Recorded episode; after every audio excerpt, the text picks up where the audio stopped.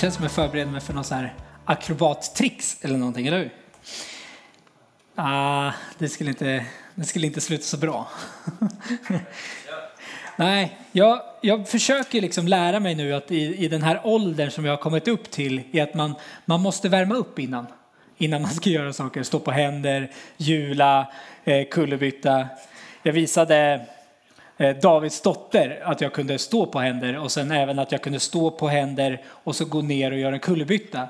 Men direkt efter att jag gjort den där kullerbyttan så kände jag bara wow, blodtrycksfall. Inte riktigt där ännu i, eh, i, i min kondition. Men jag kommer dit. 30, 35, då, är jag, då kommer jag vara så vältränad som jag aldrig varit förut. Skönt att säga det så här, där det spelas in. Ja. Ja, det är då det kommer, det är då det händer. Eh, jag vill säga det direkt i, i anslutning till den här gudstjänsten, direkt efter, efter predikan så kommer vi öppna upp ett, eh, ett Zoom-rum, ett bönerum där vi kommer be för, för väckelse. Vi kommer fortfarande finnas kvar här att sjunga, sjunga lovsånger eh, efter, direkt efter predikan, men sen övergår det till, till Zoom-bön. Så ladda gärna ner appen eller funktionen på din plattform, din ja, telefon, iPad, dator och så kan du vara med där. Mer, jag kommer berätta lite exakt hur det kommer gå till i slutet av predikan. Men vad härligt! Hoppas du mår bra. Ja! Härligt! Har du, om du har din bibel eller din mobibel så kan du ta fram den. Och så kan man slå upp eh, Apostlagärningarna 2.37. Och så ska vi läsa 10 verser framåt. Så Apostlagärningarna 2.37 till, till 47. Jag ger er som eh, vill ha er bibel med er, eller liksom läsa liksom från den fysiska, så får ni lite tid på er att springa och hämta den. Det som precis har, har hänt är att den helige ande har dykt upp, eller dykt ner, eller kommit fram. Eller det, det skedde ju med ganska, ja, med dunder och bra kan man säga. Människor blev väldigt berörda av den helige ande. Eh, de började prata olika, olika språk. Och i direkt anslutning till det så kliver Petrus, en av lärjungarna, fram och håller värsta predikan. En riktigt fantastisk predikan och det är där vi kommer in, liksom. det är det vi ska läsa efterdyningen av. Så Apostlagärningarna 2, 37. När folket hörde det här gick det rakt in i deras hjärtan och de frågade Petrus och de andra apostlarna. Bröder, vad ska vi göra? Petrus svarade, omvänd er och låt er alla döpas i Jesus Kristus namn så att ni får förlåtelse för era synder. Ni ska då också få den helige ande som gåva. För detta löfte gäller er och era barn och alla dem långt bort som Herren vår Gud kallar. Sedan fortsatte Petrus att vittna och vädja till dem med många andra ord och han uppmanade, uppmanade dem. Se till att ni blir räddade undan detta vilsegångna släkte. De som trodde på vad Petrus sa lät sedan döpa sig och den dagen ökade antalet troende med omkring 3000 personer. De troende höll sig till apostlarnas undervisning och de hade gemenskap med varandra och bröt bröd tillsammans och bad. Människorna hade en djup respekt för dem och apostlarna utförde många under och tecken. Alla de troende var ständigt tillsammans och hade allting gemensamt. De sålde allt vad de ägde och delade med sig av till varandra allt efter vars och ens behov. Varje dag möttes de i templet och i hemmen och samlades för att bryta bröd och äta tillsammans i glädje och uppriktig hjärtlighet. Det prisade Gud och var omtyckta av hela folket. Varje dag lät Herren deras grupp växa genom att fler och fler blev räddade. Mina damer och herrar, här har ni väckelse. Bibeln presenterar en form av, av väckelse i det här. Men det, det, är liksom, det är inte bara där det har hänt, utan i historien så kan vi se och vi kan läsa och vi kan lära oss och höra att det har hänt gång på gång i historien. Och vi kan också se att det händer här och nu och det kommer att fortsätta att hända. Väckelse är inte någonting som bara har varit. Utan väckelse är någonting som kommer att fortsätta att hända. Dödens portar kommer inte att hindra kyrkan. Väckelsen kommer att fortsätta även när vi inte är här.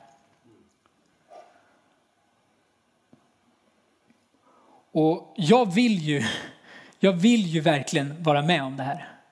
Jag har aldrig riktigt varit med om det, men mitt intresse för väckelse föddes för ungefär tio år sedan, skulle man säga. Eh, då det hände lite olika grejer. Men en av de sakerna som hände var att jag var på en New Wine-konferens i, i Stockholm. Och där fick jag vara med och, och se övernaturliga saker ske. Vi fick vara med och be eh, för människor och se att de blev friska. Vi fick också se att människor blev påtagligt drabbade av Gud. Att de blev verkligen, ja men de fick möta Gud på ett väldigt kraftigt sätt. Och det här blev liksom, det här var både lite skrämmande och läskigt. Jag hade aldrig varit, varit med om det liknande. Jag blev, inte, jag, blev inte så, jag blev inte drabbad på det sättet. Men det föddes en, en nyfikenhet i mig att nej men det, det, är någonting, det är någonting mer. Liksom. Det här, Gud är ju verkligen på, på riktigt. Gud vill inte bara att vi ska vara i teorin, han vill, vara, vill att vi ska vara i praktiken också. Att vi ska ha en relation med honom och att han ska få beröra oss idag. I samband med det här, runt omkring det här, så upptäckte jag också ett band som heter Jesus Culture. Någon som känner till det? Eh, kommer många fantastiska lovsånger som man bara satte på, på repeat och lyssnade på och lyssnade på och lyssnade på. Och deras eh, direktor, Benny Leapshire, släppte också i samband med liksom att de började bli, bli lite större så började de, släppte han en bok som heter just Jesus Culture.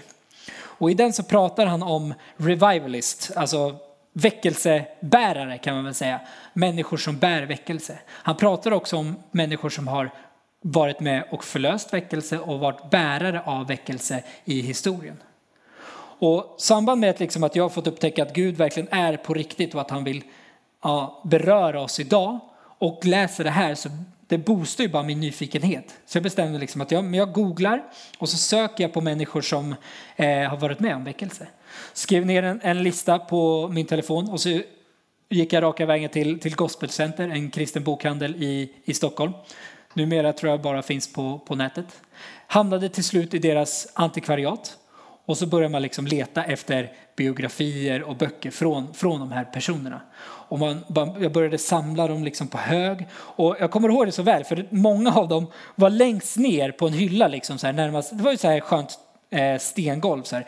så att jag, jag la mig ner och så läste jag liksom på bokryggarna för att hitta de här böckerna. Och där, på det bästa stället, så kände jag bara liksom så här Guds kärlek och Guds passion. Alltså det drabbade verkligen mig så att jag kände så här, jag började nästan gråta. Jag fick en sån, sån inlevelse i att Gud älskade verkligen de här människorna. På det de bar på och det de längtade efter och deras passion för, för honom. Och när man läser om, om människor som liksom John Alexander Dowie, Amy Semple McPherson, John G. Lake, Charles Parham, John Wesley, Evan Roberts, Frank Mangs, Emil Gustafsson, Catherine Kuhlman, Charles Spurgeon, Errol Torrey, Charles Finney, William Seymour. Alltså ni, ni hör ju, det, det är inte bara, det är inte bara en det händer hos. Det är inte bara en som bär på det här, utan, och det här är inte alla, utan listan bara fortsätter. Ta till exempel, alltså, ta han som jag sa sist här, William Jesus. Förlåt, jag måste ha lite vatten. Paus.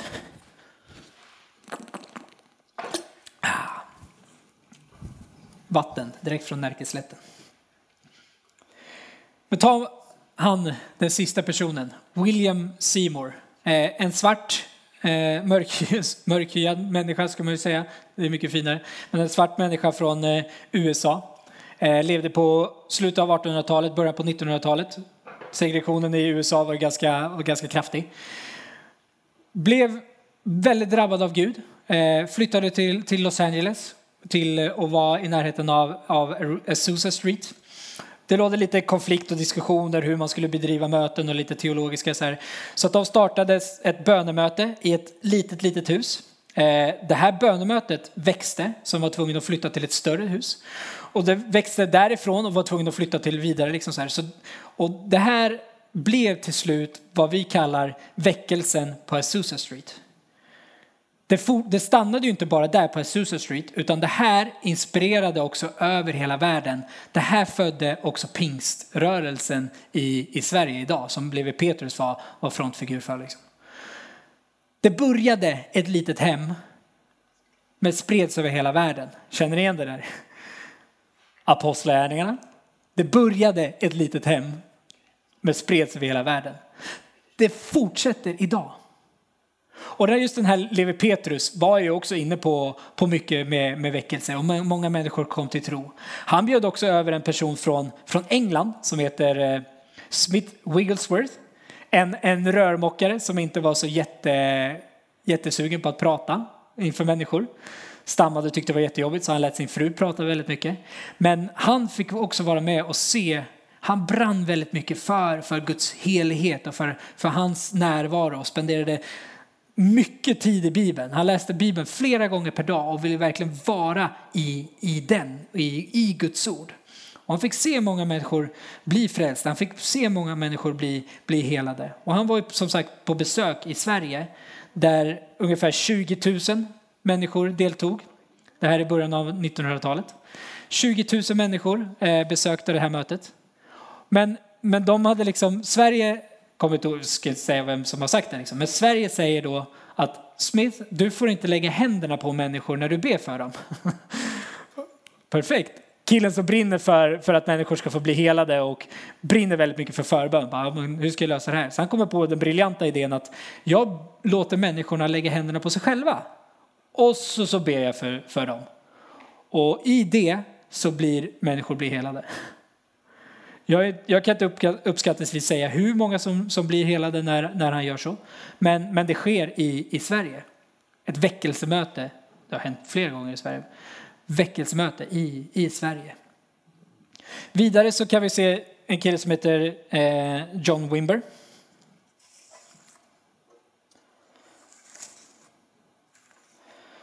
Som också såg många människor komma till tro. Eh, och få bli, bli frälsta.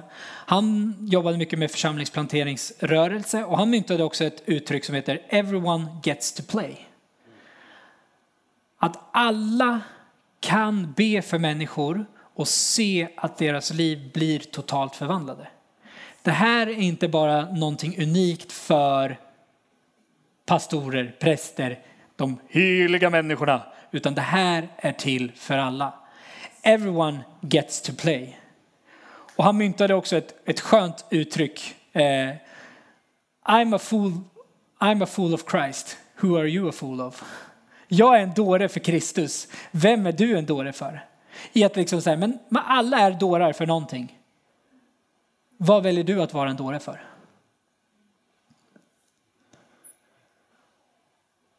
Och man liksom, när man börjar rota i de här människorna eh, deras, deras liv och det de bär på så ser man också en, en röd tråd och man ser också att de, deras vägar har korsats väldigt mycket. Hur de har inspirerat varandra och hur de har burit varandra och, och hjälpt varandra och bett för varandra. Och det här är ju bara ett axplock av, av människor.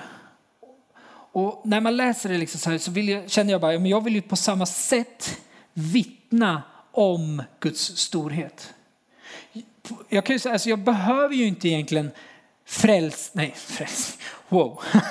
Jag, jag behöver ju inte riktigt, jag behöver inte väckelse för att jag ska fortsätta att vara frälst. För Gud har fortfarande frälst mig. Men jag ser och längtar efter att en väckelse ska, ska få komma så att många, många fler får ta del av hans kärlek. Att det ska drabbas på ett sådant sätt så att det blir som en explosion och som stora ringar på vattnet. Att det inte går att hålla inom en kyrka. Men vad, vad är det som definierar väckelse? Varje väckelse ser, ser väldigt annorlunda ut beroende på vem, vem Gud använder. Men några av de sakerna är att det börjar ofta alltid med att människor längtar passionerat, liksom vill se en förändring i, i sitt liv eh, och se i miljön runt omkring att de längtar och nästan trånar och trängtar efter Gud. Och Gud svarar. Guds ande kommer på ett ganska kraftfullt sätt. Och de blir, de blir drabbade. Gud kommer nära och han berör på så, om, så otroligt många olika sätt. Och man blir uppenbarad för att Gud är en levande Gud. Många människor vänder om från sina synder, tar emot Jesus förlåtelse, låter, låter döpa sig och, och tror på att han verkligen har dött och uppstått för en själv. Det sker en, en förvandling och man börjar leva i en nära relation med Gud. Man börjar hungra efter, efter Bibeln. Man börjar längta efter att spendera tid med Gud i, i bönen. Man, man bara vill sjunga lovsång och ha en innerlig tillbedjan. Men man, vill inte, man känner liksom att det här är för bra för att vara liksom för mig själv och jag vill sprida det vidare. Jag vill att andra ska få ta del av det. Det, kommer ske, det sker under och mirakler.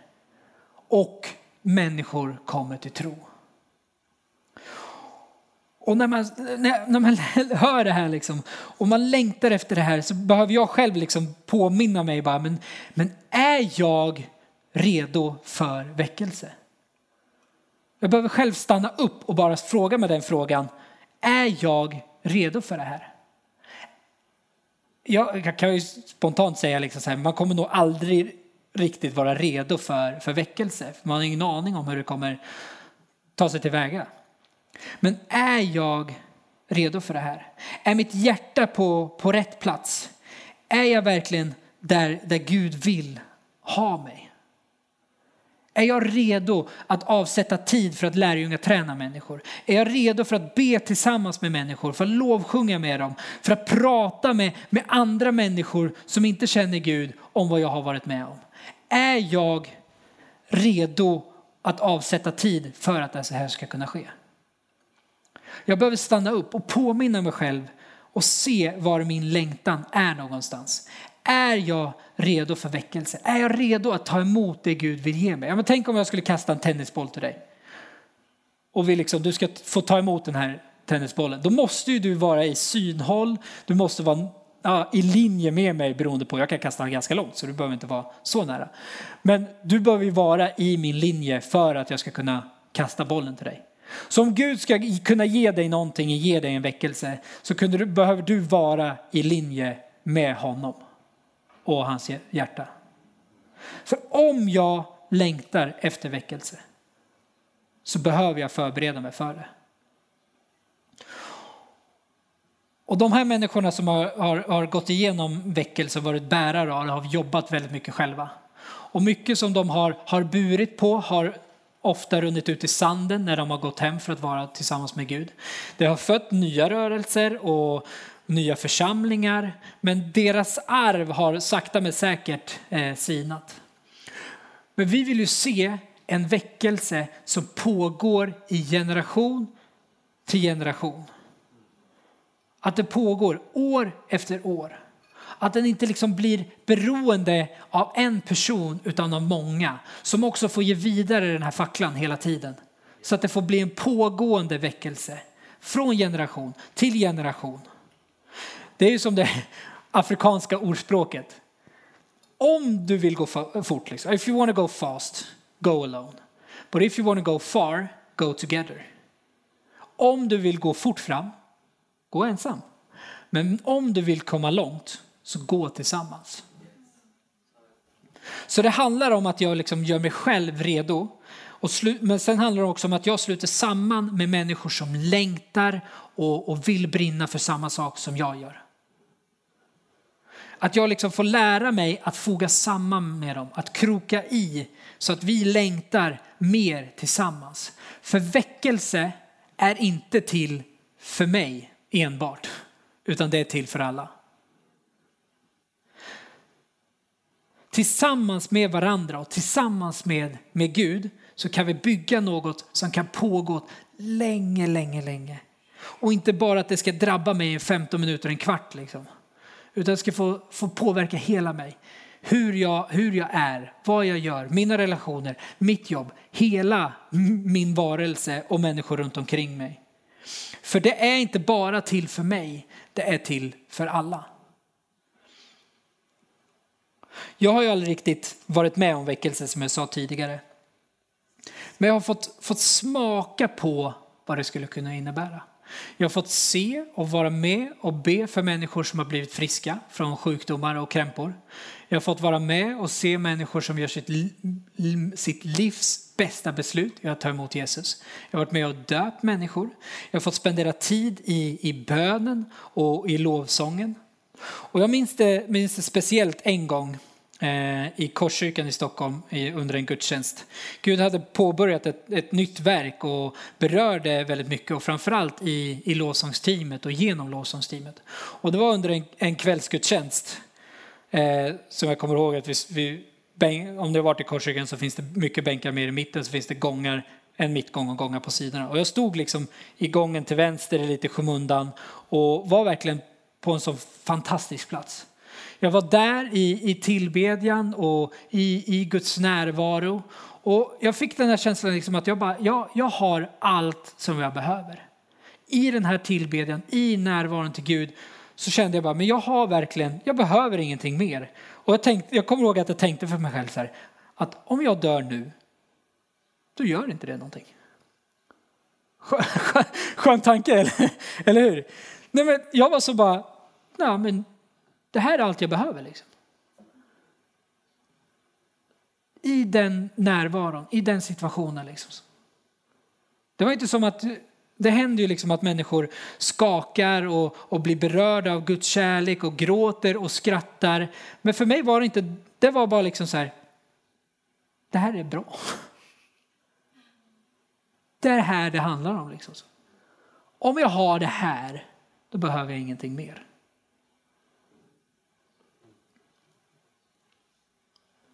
Och det, är så, det är ganska svårt att förklara, men allting var ju bara så bra. Liksom. Och jag har fått aptitretare och jag har fått smaka och se. Och bara genom det så blir jag så sugen på så mycket mer. Jag vill ha det mer och jag vill att andra ska få ta del av det. Och vi ser ju och hör att människor kommer till tro idag. Vi ser ju och hör att människor blir berörda av Gud och deras liv bli förvandlade. Jag har hört om människor och pratat med människor som har gått från, från mörker till ljus. Så man kan ju säga liksom så här att det finns ju redan nu väckelse mitt ibland oss. Men att den inte är fullt ut mogen. Det är någonting som håller på att växa igång. En frukt som håller på att mogna. Men när vi liksom smakar på den här frukten så den är inte riktigt klar än. Liksom. Det är inte riktigt där, den är inte mogen. Men det är fortfarande fullt ut lika mycket en frukt som en mogen frukt. Eller hur?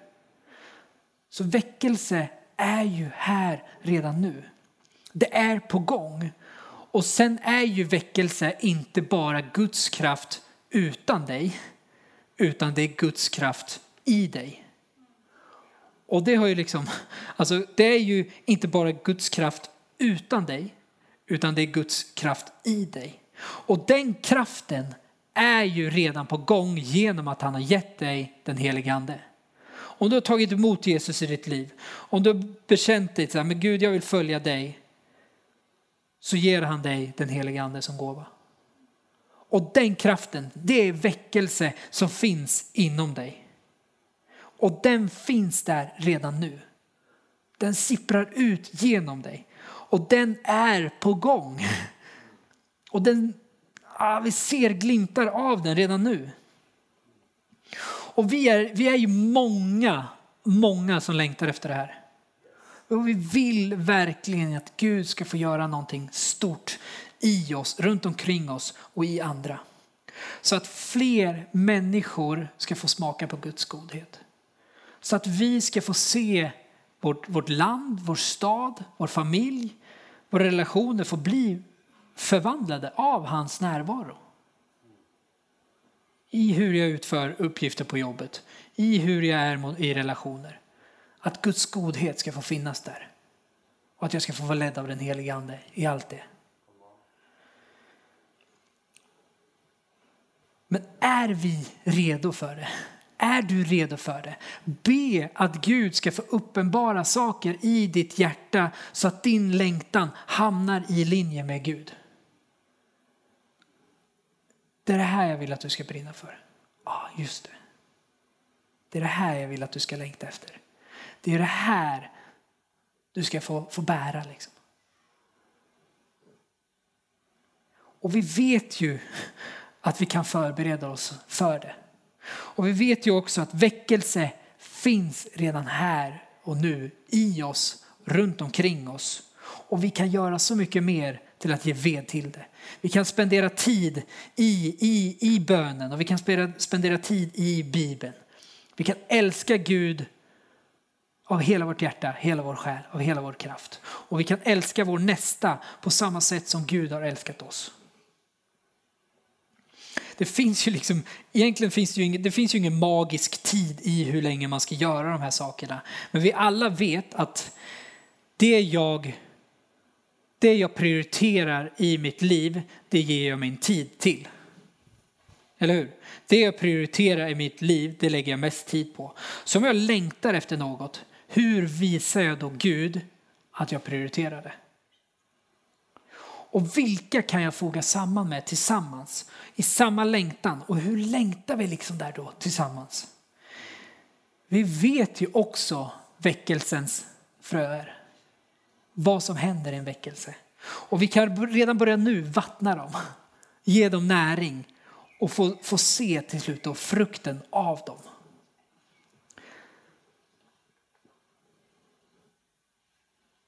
Så vi, vi kan investera i oss själva. Vi kan förbereda oss. Vi kan tillsammans investera i det som redan nu pågår. Vi kan tillsammans längta, be och sjunga efter mer. Efter mer av Gud, efter mer av hans rike, efter mer av hans hjärta. Och vi kan tillsammans sträva efter en ny stor väckelse. Amen. Wow. Vi, vi ber. Gud,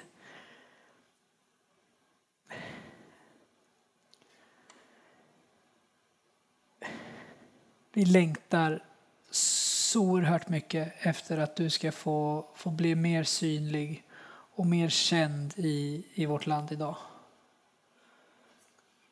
Gud, tala till oss, tala till våra hjärtan. Lägg en större hunger, större intresse, större nyfikenhet på vad väckelse innebär. Låt oss få längta efter ännu mer. När vi har dig så har vi allt. Och vi vill ge det till människor. För när de har dig så har de allt. Gud, förvandla våra liv här och nu. Ge oss drömmar, visioner. Ge oss din närvaro, din helighet, din frihet, din frid. Din glädje, din förtröstan, Gud. Ge oss ditt hopp. Vi ber för att väckelse ska få ske i vårt land, i vår stad, i vår familj, i oss idag. I Jesu namn. Amen.